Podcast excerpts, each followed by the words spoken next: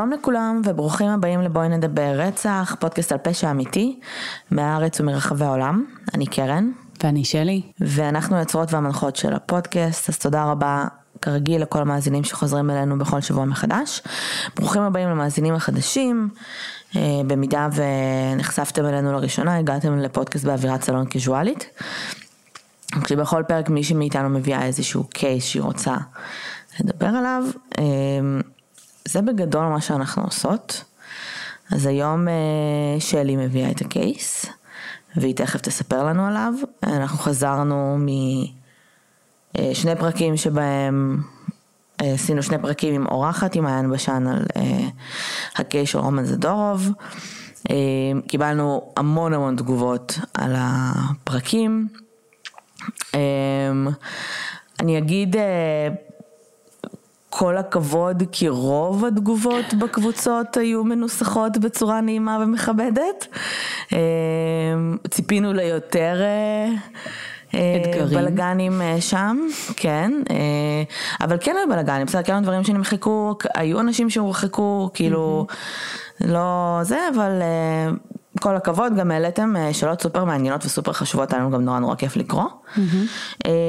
ברמה אישית אני כן חייבת להגיד, שבסוף הבאנו אורחת שמומחית ל-X, בסדר, משהו מאוד ספציפי, שעשתה את המחקר שלה והגיעה לאיזה שהן מסקנות.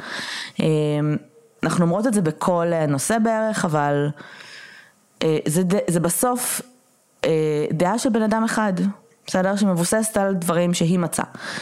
אז תמיד תמיד תמיד תישארו אה, עם כל השאלות שיש לכם בראש, אה, לשני הצדדים אגב, בלי קשר גם לקשר זדורוב, באופן כללי אנחנו תמיד אומרות את זה, תהיו ביקורתיים כלפי הדברים שאתם שומעים, אה, וזהו. כן, לגמרי, אה, וזה טוב, אה, זאת אומרת, אה, מחשבה ביקורתית מקדמת אותנו, גורמת לנו לפקפק בדברים, וככה... הרבה מאוד תחומים בעולם הזה באמת השתפרו והתקדמו, אה, כולל אה, כל המחקר על אה, הודעות שווא וכל הדברים האלה, זה היה מישהו שבאמת שאל שאלות ביקורתיות על דברים שנלקחו כמובן מאליו. אז יאללה, אנחנו בעד. כן. טוב, אז נעבור לקייס שהוא לא זדורוב. בבקשה. כן, אנחנו נעבור לקייס כן. שהוא לא זדורוב, והוא, בוא נאמר, קצת כזה יותר חזרה למקורות, אבל עם טוויסט. Okay. אוקיי. Uh, היינו עכשיו בקצת uh, תקופה של uh, רוצחים לא אמריקאים, טרום אורחים למיניהם. אז אנחנו היום בגרמניה. ואנחנו נדבר על רוצח סדרתי, גרמני. מזמן לא היה לנו אחד כזה, נכון. הם תמיד נורא כיפים. נכון. הם אף פעם לא משעממים. לגמרי. כשהרוצח אה, שיש לנו היום אה, הוא בחור, אה, קודם כל הוא נולד ב-46, זאת אומרת קייס לא, לא מילה אחרונה, קייס קצת ישן, שבעצם קצת היווה תקדים. בעולם המשפטי הגרמני, אנחנו נגיע לזה, אבל בעצם הוא היה רוצח סדרתי גרמני, שבעצם היה נער שרצח נערים אחרים. ו, אמ, ו, והקונספט הזה הוא, הוא קריטי בעצם להבנה של אה, מי הוא הבן אדם ואיך שהוא אה, מתנהל. זה היה בעצם באמת אה, מקרה ששינה מאוד את האופן שבו בתי משפט בגרמניה מסתכלים על גורמים פסיכו-סוציאליים וכולי. בקביעת אה, באמת אה, אחריות משפטית, אה, אבל אנחנו נתחיל מההתחלה, שזה בעצם הלידה שלו. הוא נולד באפריל 46 כמה שנקרא ילד בלתי חוקי, זאת אומרת אימא שלו הייתה לא נשואה. אז זה הפך אותו, אה אוקיי, בסדר. פעם זה היה ככה. פעם היה באמת פחות מקובל, בוא נאמר ככה. אה, אימא שלו בזמן שהיא ילדה אותו אה, הייתה חולת שחפת אה, ובעצם לא הרגישה כל כך טוב אה, לאחר הלידה, היא הייתה בבית חולים לאורך החודשים שלאחר שהוא אה, נולד, אה, עד שהיא נפטרה בעצם חמישה חודשים אחרי שהוא נולד, וכל בעצם התקופה הראשונה של החיים שלו, הוא בילה בעצם בחזקת האחיות בבית החולים, שטיפלו בו, והן היו הגורם העיקרי. לטפל בו, כי גם האבא מן הסתם היה לא כל כך בתמונה. ואפשר להיכנס הרבה לענייני אה, היקשרות פה, כן. אבל אה, בעצם כש... אה, כשהוא היה בן 11 חודשים, אישה מסוימת מגיעה לבית החולים לעבור ניתוח. והיא מחליטה בעצם שהיא רוצה לאמץ אותו. היא אשתו של קצב ומנהלים ביחד איזושהי חנות והם בעצם לוקחים אותו איתם הביתה, מאמצים אותו בגיל 11 חודשים ונותנים לו את השם יורגן בארץ'. יורגן החמוד בעצם מגיע לבית החדש שלו, אימא שלו אה, שבעצם אה, בחרה אותו אה, בבית החולים, סבלה מ-OCD. הייתה חולת ניקיון בצורה מאוד מחמירה וכנראה עוד דברים מסוימים שלא בטוחה שדאז אבחנו כ-OCD אבל היום נוטים באמת לשייך ל-OCD וכילד קטן אסרו עליו לשחק עם ילדים אחרים oh. כדי שלא יתלכלך. Um, כבר בגיל צעיר אנחנו מתחילים לראות את הבעיות. לא, אבל עזבי מתחילים, זה כאילו מגיל אפס, לפני שהוא נולד, בסדר? כן. לפני שנולד אמא שלך חולת שחפת. כאילו, מה, מה, ילד הזה עשרה, באמת, הוא בן 11 חודשים, הוא מגיע לבית. לא היה לו הרבה אה, סיכוי. אוי, אוקיי. כן.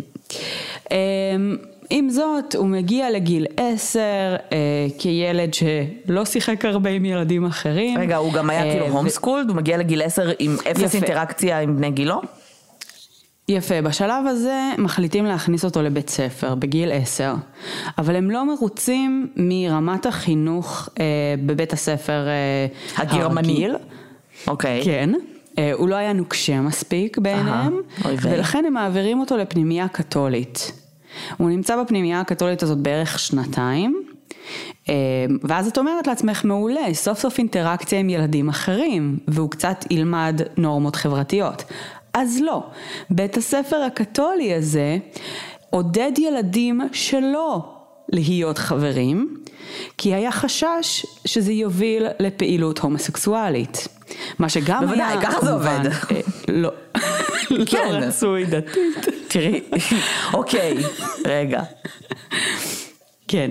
עכשיו חשוב להגיד שזה גם, זאת אומרת בשלב הזה בגרמניה פעילות הומוסקסואלית היא כמובן גם בלתי חוקית, זאת אומרת בית הספר הקתולי, מעבר לעובדה שהם קתולים וזה עניין דתי, זה גם עניין של אנחנו אה, לא נאפשר פעילות בלתי חוקית בגדר ה... אה, אני רוצה, אני רוצה לראות את השלב שבו החוק הזה... אה, בעצם נכתב, כי, כי יש תקדים כנראה, של שני ילדים שלא רואה יודעת, ראו אותם מחזיקים ידיים, בני כמה הם? עשר? אחד עשרה כאילו, זה, זה היה בית ספר? כן, הוא, הוא היה בן עשר כשהוא נכנס לבית ספר. מחזיקים ידיים ואני רוצה לראות את הכומר שבא ואומר, אה, זה כי יש ביניהם איזשהו סוג של אינטראקציה. ולכן, הבה נפריד. איך אפשר לעשות את זה אגב? כאילו, יש להם, יש להם כיתות. כן, ברור שאת יודעת שהם לא יכולים לשלוט על זה במאה אחוז, אבל הם, הם, הם עודדו בצורה משמעותית את הריחוק בין הילדים. אני בטוחה שעדיין היה שם חברויות והיה אינטראקציה חברתית, גם בלי לכוון את זה, קשה להימנע מזה. רגע, שאלה אחרונה, הילדים ידעו שזו הסיבה שאסור להם לשחק אחד עם השני? זאת אומרת, היה גם פחד מאינטראקציה חברתית כי הם יהפכו להומואים? לא יודעת. אוקיי. Uh, בכל אופן, הפלא ופלא, בבית הספר הקתולי, כומר שהיה מורה, התעלל מינית בילדים, כולל ביורגן. אה, ולא רק זה, אה, הוא היה אה, ככל הנראה קצת אובססיבי לסיפורי עינויים בימי הביניים, והיה מספר אותם לילדים כדי להפחיד אותם או לחנך אותם, לא ברור כל כך לאיזה צורך. אבל יורגן הקטן, שאסרו עליו להתרועע עם ילדים עד גיל עשר, מגיע לבית ספר קתולי שבו אסור לו שיהיה לו חברים, ואז עובר התעללות מינית, ומספרים לו על עינויים. זה פחות או יותר מה שקורה. כאילו בשלב הזה אני מבינה שהוא בן עשר, אבל בשלב הזה זה כזה... סגרו אותו איפשהו, אל תוציאו אותו, אין לו סיכוי, זה כאילו... מה, מה עוד הוא יכול להיות, מה, מה עוד הוא יכול להפוך בחייו הבוגרים, כן. לגמרי. אמ, אני אוסיף על, על המידע שכבר יש לך, ואספר שאומנם הוא היה איזה שנתיים בקנ... באמת בפנימייה הקתולית, אה, אבל הוא חזר הביתה באיזשהו שלב, אה, ואני מזכירה שאימא שלו הייתה קצת חולת ניקיון, אז עד גיל 19 היא קילחה אותו. דיברנו על מקלחות, נכון? דיברנו על הורים שמקלחים את הילדים שלהם. דיברנו. דיברנו על זה, שזה כאילו, זה מצחיק. אבל בואי נזכיר את זה שוב. אם עושים, את יודעת, מחקר, על, את לוקחת כאילו מהספרות רוצחים סדרתיים, זה מטריד לשמוע כמה מהם כאילו קילחו אותם. את תוהה אם זה לא, אין שם איזושהי סיבתיות. עד גיל מאוחר, כמובן. לא רק זה. היה לו לפחות ערב אחד בשבוע, אם לא יותר, לא לגמרי ברור לי מהמקורות השונים ששמעתי, שהוא ישן בין ההורים שלו. למה? עד גיל מאוחר מאוד. אבל למה? זה היה חלק מה... bonding? Bonding time שלנו. מהטראומה? אוקיי. כן. מייקה. כאילו מהמתכון של איך לייצר רוצח סדרתי. Um, ההורים שלו היו מאוד עסוקים עם העסק, היה להם בעצם שתי חנויות uh, שהיו קצביות ו... והעסק המשפ... המשפחתי היה מאוד משמעותי, העניין הכלכלי היה מאוד מאוד uh, אימא שלו עבדה גם? עם אבא שלו? כן, אז שניהם עבדו בעצם בחנות, בקצביות אני מנסה להבין איך כאילו OCD של ניקיון הולך יד ביד עם קצבייה. אה, כנראה שזו הייתה קצבייה מאוד נקייה. איך לא בהתקף חרדה תמידי כאילו ביום יום שלה? אין לי מושג. אוקיי. אמ, בכל אופן, הם רוב הזמן היו שם, יש כל מיני אמירות מוזרות של אבא שלו, שזה נשמע בגדול שהוא פשוט לא כל כך ידע רגשית מה זה להיות אבא, ולא כל כך ידע להתמודד עם זה. אמ, גם בשלבים יותר מאוחרים כזה שניסו לדבר איתו על כל מיני השלכות על אה, הוריות, והוא כזה, סורי, אני לא יכול לבוא, אני צריך לעבוד. כל מיני כאלה. אמ, אז הוא פשוט לא, לא כל כך ידע איך להתמודד עם זה. ובזמן שההורים שלו עבדו והיו מאוד מאוד עסוקים עם, ה, עם העסק, אה, הוא היה נשאר בבית עם הסבתא הגרמניה. יש לי הרגשה שגם הסבתא היה לה איזה, טוויסט. בואי נדבר על הסבתא. יפה. Uh, הסבתא בגדול, לא ברור האם היא הייתה אלימה מאוד, אבל היא כן הייתה נועלת אותו במרתף של הבית. בממוצע יומיים בשבוע הוא היה מבלה במרתף. Uh, לאורך של שנים. כי זה עונש או זה פשוט יומיים בשבוע אתה במרתף? זה, זה כזה, כאילו, אל, אל תפריע לי, כזה. אני אוהבת גם שכל אחד מהם, כל הדמויות בחיים שלו, אף אחד לא כאילו כזה, את יודעת, כולם היו אלימים כלפיו, כולם הרביצו לו, כל אחד זה עינוי פסיכולוגי אחר. כאילו כל אחד מענה אותו וגורם לו לטראומות אחרות לגמרי, שבאמת באמת כן, נשמע זה, כמו מגיעות מ fucking twilight zone כזה, ככה זה נשמע. ג'יסוס. כן, okay. כן, אה, יש לו באמת אחלה בסיס. כן. עכשיו, הם כן היו משפחה בסך הכל ברמה כלכלית הרבה יותר טובה, הם נתנו לו חיים הרבה יותר טובים ממה שהיו לו אם הוא היה אמ, נשאר ללא האימוץ שלהם כמובן, אבל הוא לא כל לא כך ידע מה הוא רוצה. מה? יכול להיות, יכול להיות שאם הוא היה עני הוא היה עדיין בסדר, כאילו. תראי, הוא במשך השנה הראשונה לחיים שלו היה נטול הורים, אז כאילו... יכול להיות שזה עדיף. אני מניחה שהדפקות הפסיכולוגיות התחילו כבר שם. כן, אבל את יודעת, זה לא שזה כזה, כל הורה עדיף על לא הורה. לא. לא, נכון. אוקיי. Okay. אמ, הם לא היו הורים רעים, הם פשוט אה, לא כל כך היו טובים בזה. אוקיי. אוקיי. אמ, יורגן לא ידע מה הוא רוצה להיות כשהוא יהיה גדול, אה, אבא שלו רצה שהוא יהיה קצב כמוהו וימשיך את דרכו. אמ, והוא זרם, זאת אומרת בגלל שהוא לא כל כך, לא היה לו איזשהו כיוון ספציפי, אה, הוא כן התחיל אה, ללמוד מאבא שלו, אה, אבל הוא אמר שזה אף פעם לא עניין אותו כל כך להיות קצב, זה כאילו לשחוט חיות וזה לא מעניין. השחיטה או החיות? החיות. אחלה. חשבתי שהוא מחפש משהו אינטלקטואלי יותר, אבל בסדר. כן. בגיל 15 אה, יורגן התחיל אה, לרצוח, אה, בעצם ב-62 כשהוא בן 15 הוא הרג את קלאוס יונג, ילד בן שמונה, אחר כך למשך שלוש שנים לא היה לו קורבן נוסף, הטענה שלו הייתה זה שהוא הלך כל יום וחיפש ילדים וניסה לפתות אותם לבוא איתו, אבל הוא לא הצליח. באותם שלוש שנים, אבל לאחר שלוש שנים הוא הצליח לפתות את פיטר פוקס, בן 13, וגם אותו הוא רצח. ואז בעצם באותה השנה את אולריך קלוויס בן ה-12 ואז שנה לאחר מכן, אה, קצת פחות משנה לאחר מכן, את מנפרד גרוסמן בן 12 ואז בחודש אה, לאחר מכן נער בן 15 בשם פיטר פרזה הוא, הוא הצליח לפתות אותו ולבוא איתו בעצם לאותו מקלט נטוש שבדרך כלל הוא היה לוקח את כל הילדים אליו והוא בעצם אה, מאלץ אותו להתפשט, מתעלל בו מינית אה. ובעצם בשלב הזה הם, הם מתים, הוא מוותר אותם בדרך כלל, הרבה פעמים אה, הוא צריך לחזור הביתה למשמעת הנוקשה שיש לו באיזה שעה מסוימת שהוא צריך לחזור ולאכול ארוחת ערב עם ההורים משהו כזה, אז הוא היה משאיר אותם וחוזר אחר כך בעצם להמשיך אה, את הביטור וכל המעשים אה, לאחר מכן. ובעצם אותו קורבן חמישי, אה, פיטר בן החמש עשרה, אה, אז הוא לא מספיק כאילו להרוג אותו, ומה שקורה זה שהוא בעצם אה, משאיר אותו קשור בחיים עם נר כדי שיהיה לו אור.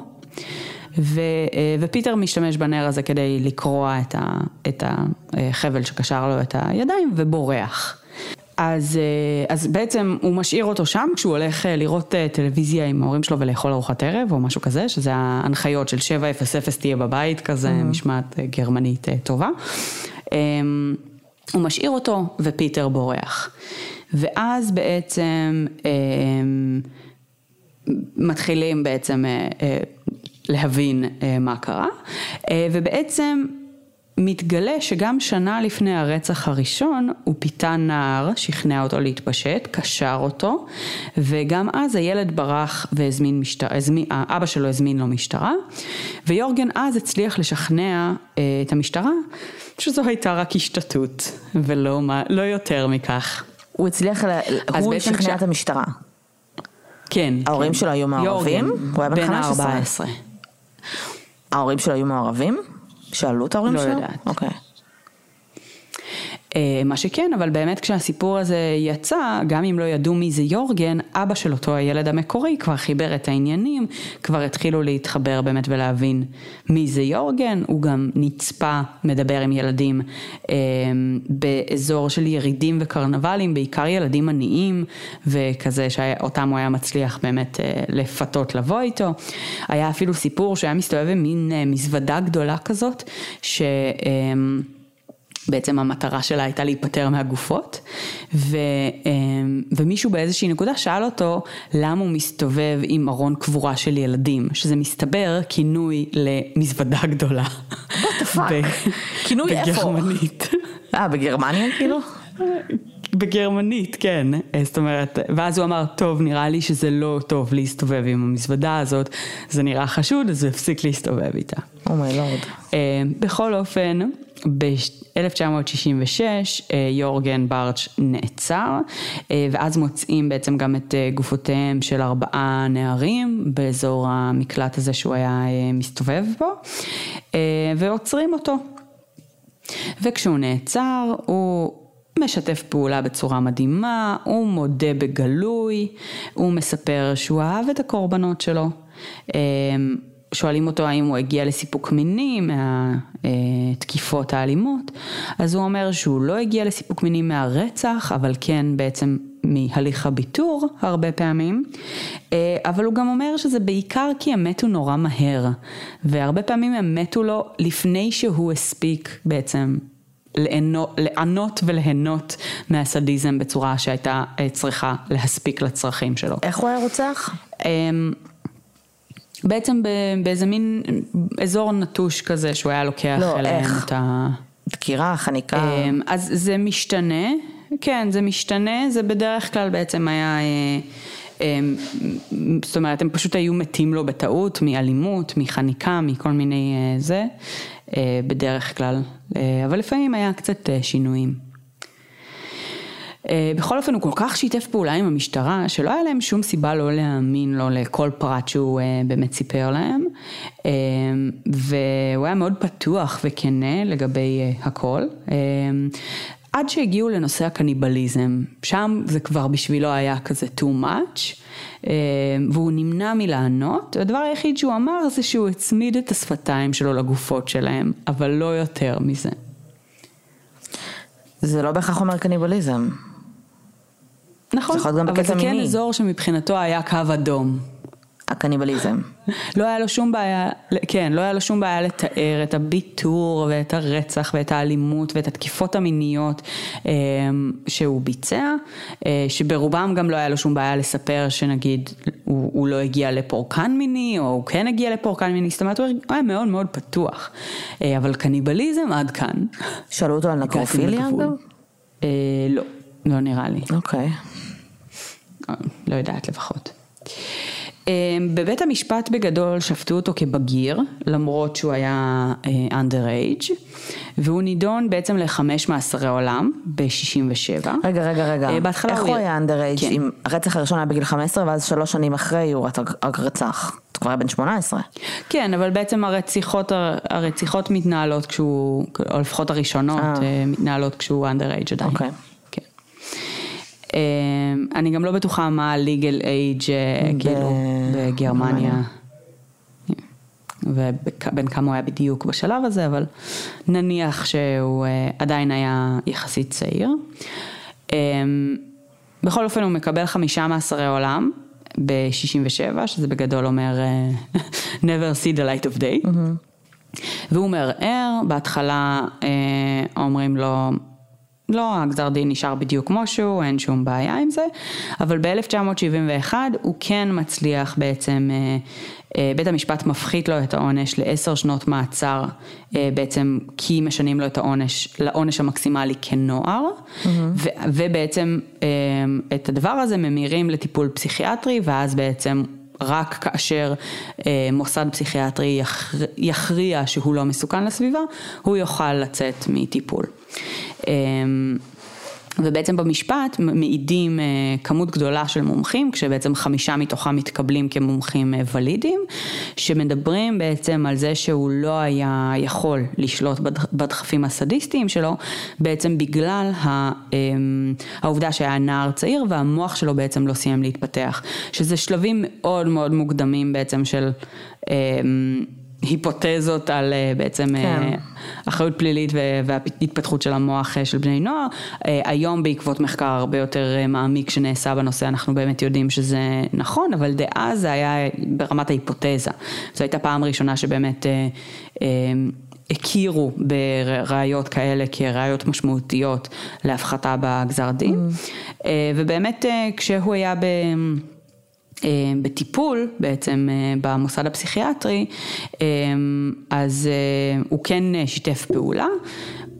ב-74, שזה שלוש שנים אחרי שהם יראו לו את הגזר דין, הוא התחתן עם אישה שהייתה מתכתבת איתו, והוא היה גם דובר החולים בבית החולים, הוא היה משעשע את החולים באמצעות כל מיני קסמים שהוא היה עושה בצורה מקצועית, הוא היה שייך לאיגוד הקוסמים בגרמניה לפני המשפט, ובעצם בגלל השערורייה של המשפט ביקשו ממנו לצאת מהאיגוד. והוא כן היה כזה בסך הכל אה, הסתדר בצורה מאוד מאוד טובה, היה מאוד צ'ארמר, אה, מאוד אה, כריזמטי ולכן באמת עבד מאוד טוב בתוך הארגון. והגורמים הטיפוליים בתוך המוסד ניסו כל מיני, זאת אומרת בחנו כל מיני אפיקים טיפוליים למקרה שלו, אה, גם מהמקומות של פסיכותרפיה, גם ממקומות של סירוס, אפילו אה, ממקומות כירורגיים, mm-hmm. ובהתחלה הוא מאוד מאוד התנגד לכל סוג של הליך כירורגי, אה, לא משנה באיזשהו אופן, כל סוג של ניתוח. נתנו לו את האופציה להתנגד? זה כאילו מרגיש לי מוזר עכשיו בשנים. כן, באותם שנים באותם שנים בגרמניה סירוס וזה משהו שנגיד היה יכול להיעשות אך ורק בהסכמה מלאה של המטופל. מגניב. אז כל עוד הוא לא מסכים, הוא יכל אה, להתנגד והוא התנגד בצורה מאוד מאוד רועשת.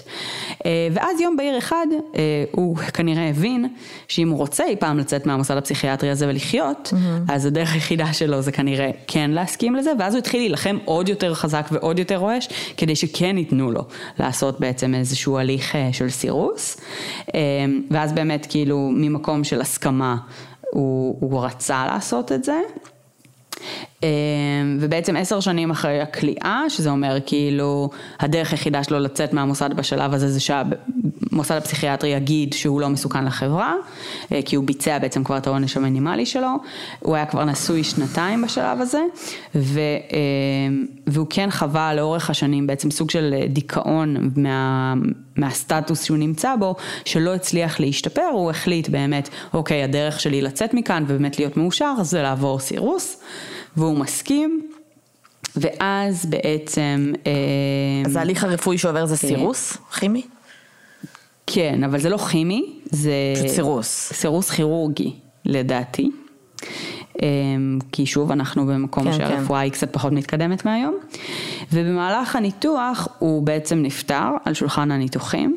אוי. אמ, בניתוח שלאחר המוות קובעים שהוא נפטר בעצם ממנת יתר של חומרי הרדמה. יש היפותזה שזו הייתה, אה, זאת אומרת, הריגה מכוונת. וואו. אה, שלו, כי אה, בעצם לא רצו uh, לתת, כי היה הרבה מאוד כעס עליו, uh, אבל בעצם בסופו של דבר אותו רופא uh, נשפט על המקרה כמקרה של רשלנות, הוא קיבל איזה תשעה חודשי מאסר או משהו כזה, והיו מקרים נוספים, זאת אומרת זה היה קורה הרבה, בסך הכל uh, חומרי הרדמה זה דבר נורא מסוכן וככל שאתה פחות מומחה בתחום ויש פחות מחקר גם באותם שנים, אז זה הגיוני מאוד שזה יקרה. אה, וגם הסיבה שהוא מאוד נלחם כנגד זה בשנים הראשונות זה מתוך חשש שיקרה משהו בהליך כזה. אז הוא באמת אה, נפטר. אה, ובזה באמת הסיפור שלו נגמר.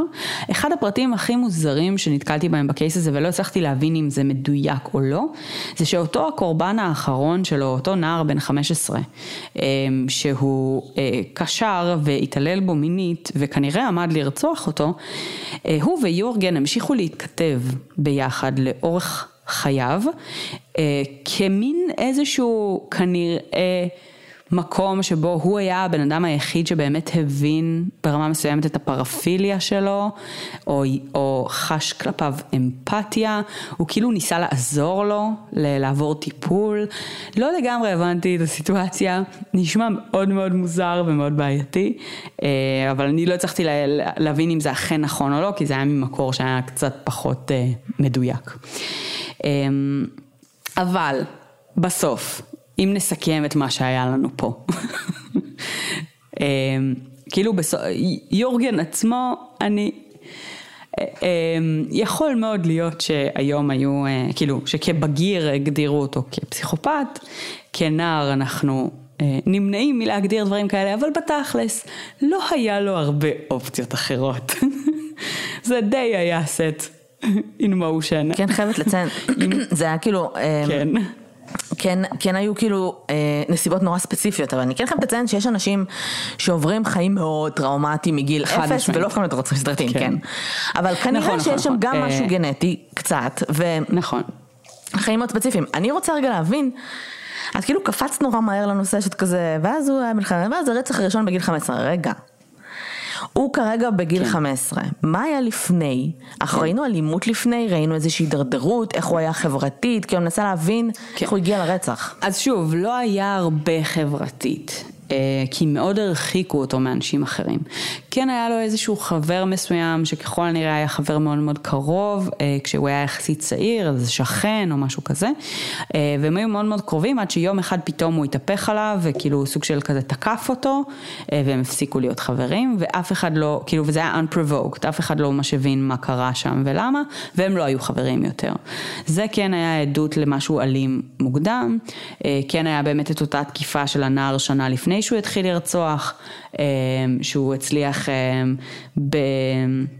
בקלות לשון וקסם אישי לשכנע את השוטרים שזו הייתה רק השתתות, אבל בסך הכל באמת לא היה...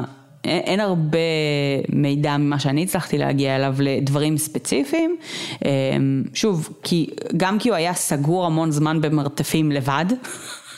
אה, וגם כי כשהוא לא היה סגור במרתפים לבד, הוא היה בפנימייה קתולית שהתעללו בו מינית ופיזית. אז חד משמעית לא כל מי שעובר ילדות קשה אה, באמת נהיה תוקף או פרדטור או אלים, זה ממש ממש לא... לא עובד בהכרח אה, בכיוון הזה, אבל כשלוקחים את זה ומוסיפים לזה גם באמת את האימא שמקלחת עד גיל 19 אה, וגם את האלימות כלפיו וגם סימנים מאוד בעייתיים בצורה מוקדמת שהוא הראה שלא טופלו אה, של סימני אלימות כאלה ואחרים כמו אותו נער שהוא כלא אותו כשהוא היה בן 14, אלה דברים שבאמת כאילו אם היו מטפלים בזה יש מצב גדול שהבן אדם בסוף היה הופך להיות לא רוצח סדרתי, אבל אנחנו לא יודעים, כן. זאת אומרת, בכל אופן. אה, אמ, אז אוקיי, אז, אז מה שהוא היה עושה, הוא היה בעצם, מה, תופס בנים, מתעלל בהם מינית. נכון? Mm-hmm. ואז רוצח אותם, ואז כאילו mm-hmm. מוותר וידה ידה. ואז הוא התחתן עם אישה. כן. הוא דיבר על הנטיות המיניות נכון. שלו בשלב מסוים? Um, לכאורה בזמן המשפט זה היה עדיין לא חוקי הומוסקסואליות בגרמניה, mm. אמ, אבל זה, לא התעסקו בזה במשפט מאיזושהי סיבה בכלל. אמ, זה לא ברור כל כך מה הייתה הנטייה המינית שלו, אה, כמו שפשוט היה לו כנראה קל לפתות נערים צעירים. לא, בסדר, אני אומרת שהיה יכול להיות לו גם קל לפתות נערות צעירות, אבל... אה, יכול להיות, אבל כאילו, יכול כן, להיות שזה לא, לא קשור לנטייה מינית, אגב, כאילו, בגלל שהתעללו בו כשהוא נכון. היה ילד, זה היה מין כזה דרך להחזיר לעצמו את השליטה ו- ולעשות את מה שעשו לו. ו- כן. והוא, נשמע שהרצח עצמו, החלק של הרצח לא ממש עניין אותו, כאילו זו לא הייתה פואנטה, כאילו שיותר הסדיזם. הוא עוד חיפש את עצמו כסדיסט, נכון, כאילו כן. זה מאוד מוקדם להתחיל, זה גיל מאוד מאוד מוקדם. נכון. זאת אומרת שהפנטזיות התחילו שנים לפני, שנים לפני זה כאילו גיל עשר, זה מטורף. נכון, גם יש הרבה הרבה סתירות פנימיות באופן שבו הפשעים מבוצעים, כי מצד אחד יש המון המון סממנים סופר מאורגנים, שמאוד, כאילו, הוא מאוד נקי והוא מאוד מסודר, והוא מאוד, כאילו מאוד האימא ה-OCDית הזאת, ש, שכאילו, שהוא מתעל אותה בעצם בהרבה חלקים, ומצד שני, מאוד כאילו סדיסט, מאוד דיסאורגנייזד, מאוד מאוד כאילו כן. רץ עם ה... עם הצורך והדחף שהוא לא מסוגל לשלוט בו. אז כאילו, זה לגמרי נראה באמת כמו משהו שהתחיל בשלב מאוד מאוד מוקדם, ופשוט לא היה אף גורם אטנטיב אה, להיות שם, לשים לב שמשהו לא בסדר, לטפל בזה. אה, אין לי ספק שההורים שלו in their way אהבו אותו והיו מעוניינים בו, כאילו הם לא היו מאמצים אותו אחרת, אה, אבל באמת ה... האברינגינג שלו לא כלל כל כך אה, איזושהי הבנה שיכול להיות שצריך לטפל בדברים מסוימים, או שיש איזה שהם אלמנטים של התנהגויות שהן לא תקינות ודברים כאלה. יכול להיות שהוא גם רוב ההתנהגויות במרכאות הלא תקינות, זה היה דברים שהם, כאילו להכניס ילד כאילו למרתף ולהרחיק אותו חברתית מכולם. זה לא שהוא הפגין איזה כן. שהן תגובות אלימות, אה, פרט לילד הזה שזה כבר היה... זה כבר, היה, זה כבר היה כאילו, הוא היה רוצח אותו אם הוא היה מספיק, הילד הראשון. Mm-hmm. זה כבר מאוד רחוק, ללכת מאוד רחוק, אבל זה נשמע כאילו הצליח לחיות חיים אה, כאילו כפולים נורא טוב, שמצד אחד הוא הולך והוא כן. הורג אנשים, מצד שני הוא כאילו חוזר הביתה לסטריקט mm-hmm. לייב שהוא כנראה מאוד שונא ומרגיש חסר שליטה כן. בהם. גם צריך לזכור שהוא היה בשלב שבו התחילו ללמד אותו איך להיות קצב, זאת אומרת שיכול מאוד להיות שהוא אומר, כאילו לא עניין אותי כל כך להיות קצב, אבל בפועל יכול להיות שהרבה מהאגרסיות והסדיזם שהיה לו בעצם גם פשוט תועלו, לפחות בשלבים המוקדמים, לעבודה הזאת ש, שהוא פתאום, כאילו תדמייני את האבא הקצב הזה שהילד שלו מצליח לעשות את הדברים האלה בצורה נורא טובה והוא גאה בו כן. על זה שהוא כאילו שהוא מתמודד עם זה בצורה טובה וכאילו ממש אה, עילוי קצבי. אז כאילו זה, זה גם יכול להיות באמת שכאילו, וזה ממש, כאילו, זה פקטור שכנראה אף אחד לא היה חושב עליו יותר מדי, אבל בפועל, כאילו, זה, זה, זה נשמע לי די, uh, כאילו, זה, זה די נורמלי ואולי אפילו רצוי שילד יגיב רגשית לדברים כאלה. Mm. ואולי הוא פשוט לא, אבל הם לא ראו את זה כבעיה. אה, כן, מצד שני, יכול להיות שאם הוא גדל כאילו בסביבה הזאת, אז גם התגובה הרגשית שלך היא כבר אחרת. כאילו אם אתה גדל בקצבי, לא גדל בקצבייה, אבל כאילו, אולי הוא נחשף כן. לזה עוד כשהוא ילד. אה, באסה, נכון. מסכן. מסכן, סורי, כן, נשמע כמו פסיכופת רצח, אבל כאילו, כן, אה, כן. נשמע כמו בן אדם מאוד מסוכן, אבל לא בטוחה שהייתי משחררת אותו. לגמרי, גם באמת שכמות המידע שיש עליו היא יחסית קטנה, אבל בתוך כל שביב מידע שיש עליו זה כזה עוד צ'ק פוינט ב-PCLR, זה כאילו עוד נקודה של כזה, אוקיי, הנה, צ'ק, אמ, הוא ככל הנראה באמת היה פסיכופת אה, גבוה מאוד. אמ, והוא עשה דברים בצורה מניפולטיבית ותועלתנית לאורך כל החיים שלו, גם כבגיר וגם כ-underage, ויכול להיות שכנער היה אולי אפשר לשנות משהו ולשפר משהו ולעבוד על משהו, אבל אה, אה, זה היה כבר קצת too late. אולי גם בהמשך היה אפשר, אבל, אבל זה פשוט היה דורש נראה לי עבודה. כן. זה הגיוני גם שאתה כאילו, קצת לא אכפת לך מאף אחד אחר כשאתה לא חווה רגשות של בני אדם, כי אתה מורחק מהחברה, כאילו, איך מפתחים ככה אמפתיה, איך, מגיל אפס, נכון. כן? ברמת ה... אין לי אימא, אין לי דמות הורית אחת או שתיים שהן נכון. מאוד כאילו... ולא רק זה, אני גם לא יכול לפתח אמפתיה כלפי בעלי חיים, כי אני שוחט אותם. זהו, אני לא יודע לפתח אמפתיה, נקודה, כלפי שום דבר. כן. אמ, זה קשוח, כן.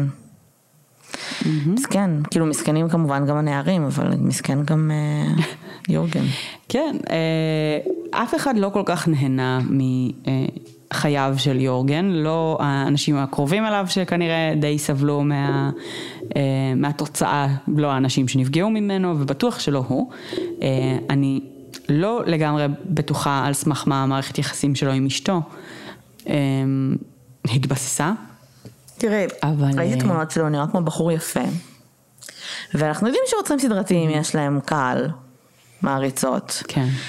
אה, ויכול להיות שזה גם מבחינת, לא בטוחה שהוא כאילו היה מאוהב, לא יודעת, יכול להיות שאני טועה, אבל מרגיש לי סתם כאילו היה לו נוח גם להגיד, תראו, אני בן אדם נורמלי, תשחררו אותי, אני נשוי. כאילו, זה לא נורמלי להתחתן כשאתה בכלא, כאילו, אבל בסדר. אה, טוב, זה היה יורגן. נפלא, התגעגעתי קצת לרוצחים סדרתיים. אה, טוב, תספרו לנו מה אתם חושבים על יורגן. אה, ומה אני אגיד לכם?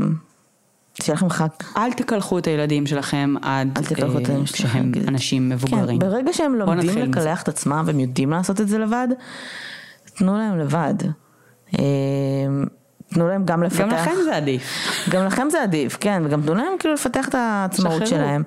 אני יודעת שיש עכשיו כאילו, לא יודעת, אני, אני, אני מרגישה שאנשים, כאילו העולם שלנו נורא התקדם כזה טכנולוגית, ו, והרבה פעמים זה מלחיץ אנשים, אז יש הרבה, הרבה כל מיני מקומות שבהם חוזרים לבייסיקס כזה, עם לינה משותפת, וכל מיני דברים סבבה, יש תיאוריות לפה ולפה, ויש גם קטע של מקלחות משותפות. אה, אני פחות בעד, כאילו אני לא חושבת שזה פעילות משפחתית. אה, אני לא חושבת, שמעתי אנשים מדברים על זה פשוט. אה, אני חייבת לומר שאני כאילו... באיזה גיל אבל? גם בגיל, לא בגיל 19, אבל כן בגילאים שבהם יש יותר מודעות לגוף, ויש הבדל בין הגוף של אמא ושל אבא. אני לא חושבת שזה בהכרח יגרום לילדים לא להתבייש בגוף שלהם, סבבה? כאילו, הד- הדימוי גוף ושיט כזה, זה כאילו, זה משהו שגם מאוד מאוד דינמי משתנה עם השנים, אבל זה קצת מוזר. שוב, אני לא מדברת על גילאים גם כשאני הייתי מאוד קטנה, אני זוכרת שאני ואח שלי היינו כאילו ממש קטנים באמבטיה, סבבה. אבל עם ההורים זה נראה לי קצת מוזר, לא יודעת, לא יודעת, אני לא יודעת. או שאני פשוט, מרוב שאנחנו חופרות בזה אנחנו יודעות יותר מדי, זה כבר כזה מרגיש עוף. אמ, כן. כן, טוב. אני, אני כאילו חושבת ש... בוא נגיד שבגיל שבו מתחילה להיות איזושהי מודעות באמת לגוף ולמיניות, זה מתחיל מאוד מוקדם אחי. שחררו אותם. זה מתחיל בגיל חמש-שש, כן? כן, שחררו אותם. לא, חמש, לא יודעת, חמש-שש אני עוד לא יודעת אם ילד יכול להתקלח לבד, הוא, לא יודעת, הוא לא יכול לנסות. לא משנה, אני אומרת שהמודעות מתחילה ב... אני שמעתי ילדים בני חמש ושש שכזה מתחילים להציץ מסקרנות, בסדר? אז המודעות של לי יש משהו ולך יש משהו אחר, ומעניין איך זה נראה, לא עכשיו פורנו, את יודעת, אבל מודעות כזאת אה, של איברים פרטיים והשוני מתחילה שם, אז... אז שוב, אני לא אומרת, תפסיקו לקלח אותם ברגע שהם שואלים כאילו מה ההבדל בין אה, פיפי ל... לא יודעת איך קוראים לזה בשפת ילדים. אני אומרת שאולי לא תתקלחו איתם, נגיד כ-grown כן. people. people do that. כן. כאילו, קצת מוזר. כן, לא יודעת, אה, אני, אין לי מושג, כאילו, לא מבינה ב, ב, בקונספט הזה בכלל. אני כן יודעת להגיד בוודאות שלקלח ילד בן 19, אה, כן. או בן 40, כן. לא צריך. צריך. אני לא יודעת איפה הקו בדיוק עובר, אבל הוא בטוח אחרי הקו שם. שוב, זה, זה שוב חוזר למקום של כאילו מתי הם יכולים להתקלח לבד, וזה לא מסוכן. אוקיי? אם בן אדם לא יכול להתקלח לבד וזה מסוכן עבורו גם בגיל מאוחר יותר מן הסתם, אז זה דורש את הטיפול הזה, ואני בטוחה שגם ה... כאילו האלמנטים הפסיכולוגיים של בן אדם כזה הם שונים, זאת אומרת, יש אה, קשיים אחרים כן. וצרכים אחרים שצריך להתייחס אליהם, אה, ו... ולהתייחס אליהם, אז זהו. זה היה אה, פינת הטיפים להורים אה, שמזמן לא הייתה לנו. כן. אה, כן. טוב. שלי, את רוצה לסכם? אה, נראה לי שסיכמנו, אה, אנחנו בפייסבוק. אל תקלחו, אה, אה? אנחנו בפייסבוק. אה, כן, זה- הדברים האלה. אמ, אז, אז יש לנו כמובן את העמוד בואי נדבר רצח פודקאסט בפייסבוק, אתם מוזמנים לבוא ולעשות לייק, יש קבוצה בואי נדבר רצח ופשע אמיתי, אה, שם אנחנו מדברים על פשע אמיתי באווירה קזואלית ומהנה ומכבדת. אמ, יש טוויטר, לא מאוד פעיל, אבל אפשר לתייג אותו, ופעם בכמה חודשים אנחנו רואות את זה. אמ, ויש אינסטגרם שהוא די כן פעיל, אז אתם ממש מוזמנים לעקוב גם אחריו. זהו, אה, אלה הם המקומות שבהם אנחנו נמצאות, אתם מוזמנים אה, לשלוח אה, ולכתוב לנו ביקורות וכל מיני כאלה, זה עוזר לחשיפה שלנו. אה, תדרגו אותנו בספוטיפיי, מי שעדיין לא דירג. ואנחנו כן, בפטריון. וחג שמח. חג שמח, פסח אה, טעים שיהיה לכולם. באמת. בנימה זו, שבוע טוב וביי לכולם. ביי יוש.